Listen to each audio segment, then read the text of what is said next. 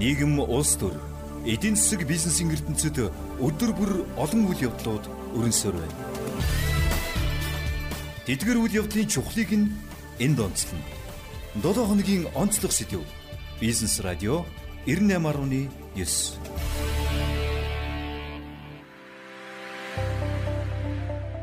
За сайн бацхан сонсогчдоо бизнес радио 98.9 засгийн газрын мэдээ сонинтой 7 хоног болгон хамтран бэлтгэдэг 7 хоногийн онцлог сэдв нэвтрүүлэг ээлж дугаараа та бүхэнд хүргэж байна.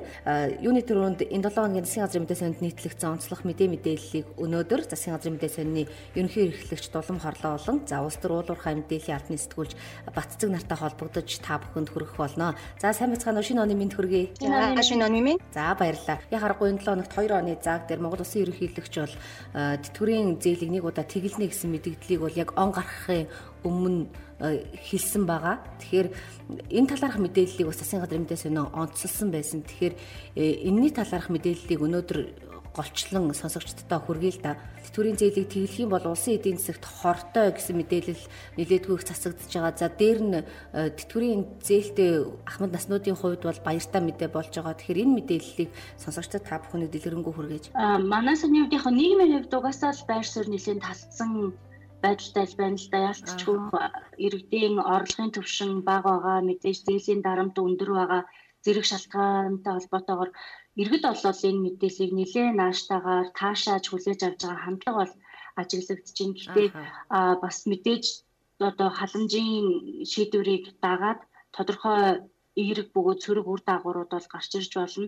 Нийгэм маань өөрөө байр суурь нь хоёр хуваагдсан байгаа учраас манай сонирч гэсэндээ энэ сэдвийг одоо бэлтгэхдээ ямар нэгэн байдлаар энэ бол туйлын зөв эсвэл туйлын буруу гэж аль нэг талд орохгүй тул эсрэг тесрэг байр суурь гэсэн байдлаар бол энэ мэдээллийг онцолж нийтэлсэн байгаа. Манай сэтгүүлч Баццгийн хувьд болохоор эерэг талаас нь буюу одоо зөв байж болох талаас нь бичсэн. Миний хувьд бол эдийн засагт урт олон богино хугацаанд ямар сөрөг үр дагавартай байж болох вэ гэдэг талаар нь бичсэн. Тэгэхээр яг энэ чиглэлээр мэдээлэлээ бас ялгаад хүргэсэн зүг баг тий. Тэгэхээр эхлээд эргийг эрэг талаас нь хараад мэдээлэл өгчээ.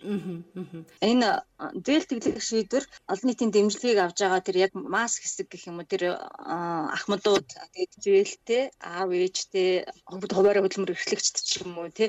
Тиймэрхүү хүмүүс бол мэдээж энийг айгүй их дэмжиж байгаа юм. А яг эсэргүүцээд байгаа бүлгийг харах юм бол ерөнхийдөө нөгөө нэг өөрсдөө бизнес эрхэлдэг мөн арай нэг нийгмийн идэвхтэй хэсэг маань тэгээд эдийн засагч тэд их эсэргүүцэж байгаа харагдсан л та.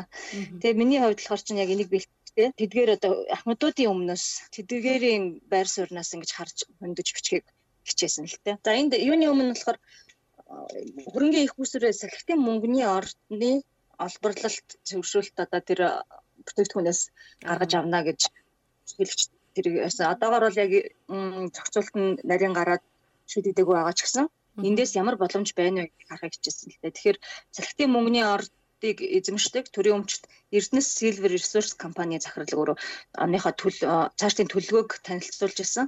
Тэр танилцуулган дээр болохоор 5 жилийн хугацаанд 750 тонн мөнгө олборлож цэвэршүүлнэ гэж мэдэгдэжсэн байгаа юм л та. Тэгэхээр үүнийг одоо 5 жилийн хугацаанд 750 тонн юм чинь жилд 150 тонноор нь бодоод үзэхээр ер нь бол 260-аад тэрбум төгрөгийн орлого энэ салхитын мөнгөний ордоос шууд орж ирэх боломжтой байгаа юм. Тэгээд энэ мөнгийг мэдээж одоо нөгөө тэтгэврийн зээлтэй хүмүүс маань болохоор бараг 780-аад тэрбум төгрөгийн зээл байгаа шүү дээ. Энэ зээлийн бас дотор нь ангилсан байгаа. Аа муу зээлийн ангилалт байгаа зээлүүд маань хамгийн түрүүнд тэглэгдэж болох боломжтой маа гэдэг л санааг л би хамгийн түрүүнд төвшүүлсэн л дээ. Ягаад тэгэхээр тэр зээлийн ангилалд орсон хүмүүс нь одоо өмнөх нь одоо нөгөө нас орчихсон.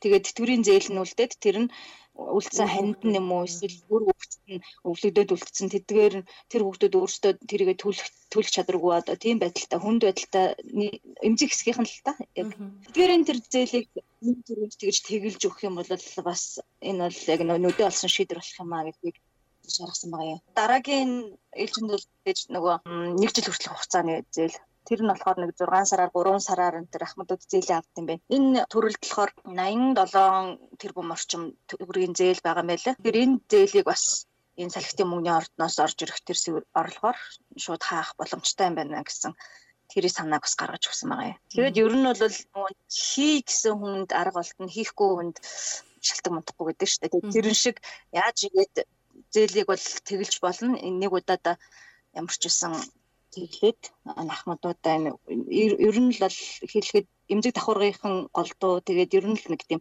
харж үзэх зайлшгүй шаардлагатай тийм хүмүүс л байгаа шүү дээ. Тэгэхээр нэг удаад ингэж тэглэхэд бол буруутах зүйлгүй гэсэн тийм л байр суурнаас хандаж утсан дээ. За тэгвэл одоо яг нөгөө сөрөг эсрэг байр суурь бас сонсъё л да. Тэгэхээр тэгээ сөрөг байр суурь нь юу вэ нэ? Аа. Ерөнхийдөө бол манай сонин бас нийгмийн хамтлагыг тандах зорилгоор Facebook хуудасаараа дамжуулаад нэг жижигхэн санал асуулга явуулсан. Аа за. Одоогийн байдлаар 150 хүн оролцсон байна. Эндээс 39% нь тэтгэврийн зээлийг нэг удаа тэглэх нь зөв гэж үзсэн бол 61% нь буюу дийлэх нь буруу гэж үзсэн. Иймэрхүү байдалд ороод хариулсан байна л да. Гэтэ ерөнхийдөө бол хараад үзэхлээр тэгэлхэн зөв гэж үзэж байгаа хүмүүсийн хувьд болохоор нийгмийн идэх арай багтай бүлэг баг шүү. Аа буруу гэж үзэж байгаа нь бол нийгмийн идэх харцангуй өндөртэй сошиал орчиндоос илүү идэвхтэй байдаг хүмүүс байгаа учраас тэдгээрийн дуу хоолой илүү бас тод гарч ирж магадгүй гэдгийг бол тий одоо няцаахгүй. Аа ер нь бол хавтгаарсаа халамжийн бодлого эдийн засгтаа сөрөг нөлөөтэй байдаг гэдэг маань бол одоо юу гэдэг эдийн засгийн ямар нэгэн одоо батлах шаардлагагүй одоо юу гэдэг онл хууль гэж хэлж баг болно тий.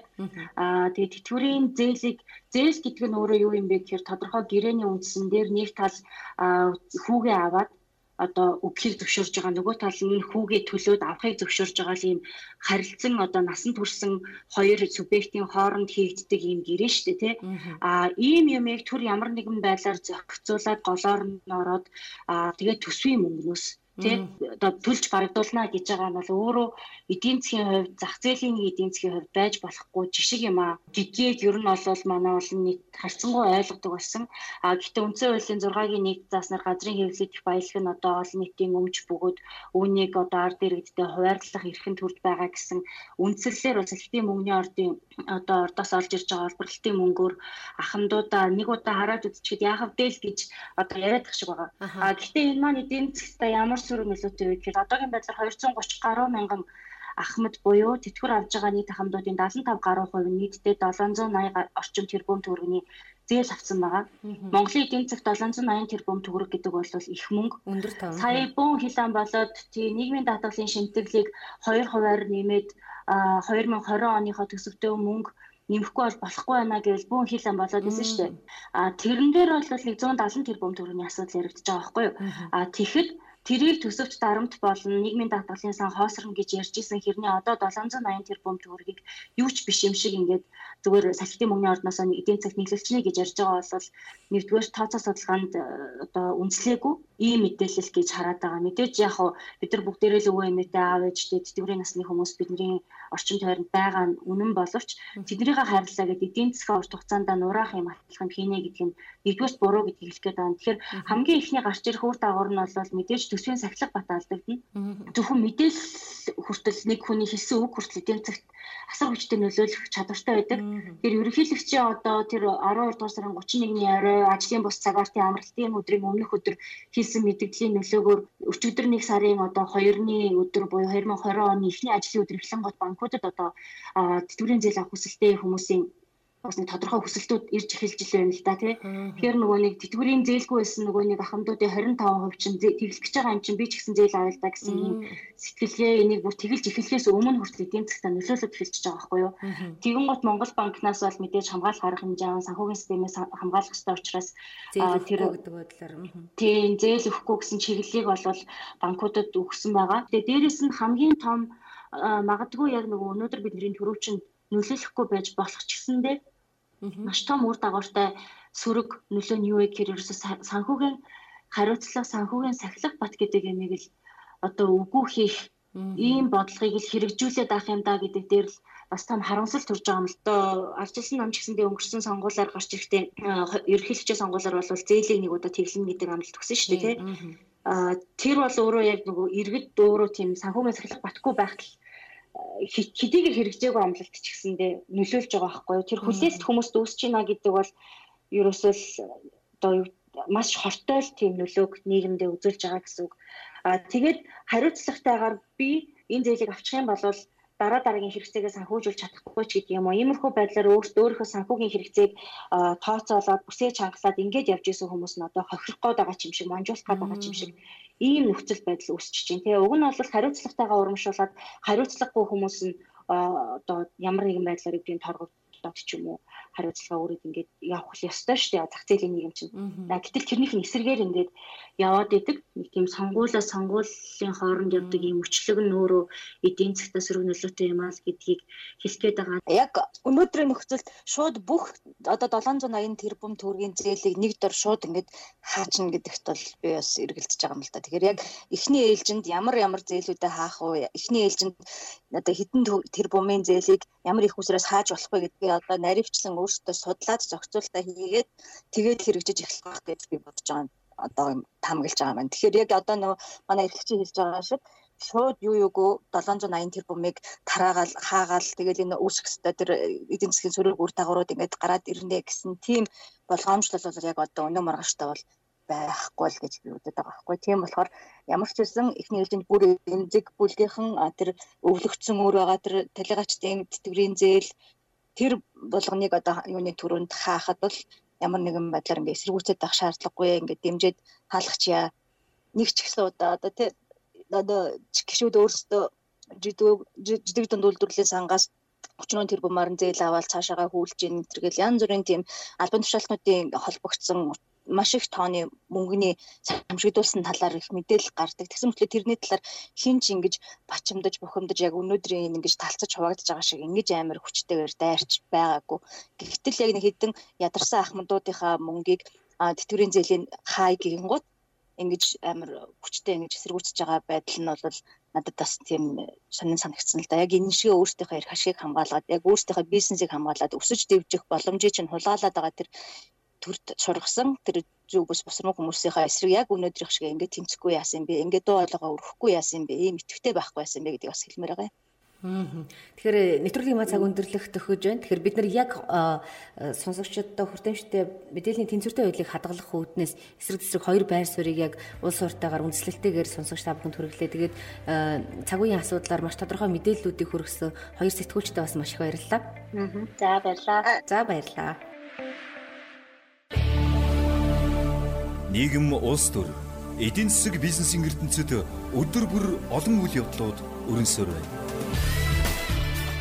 Тэдгэр үйл явдлын чухлыг нь энд онцлно. 7 хоногийн онцлог сэдв.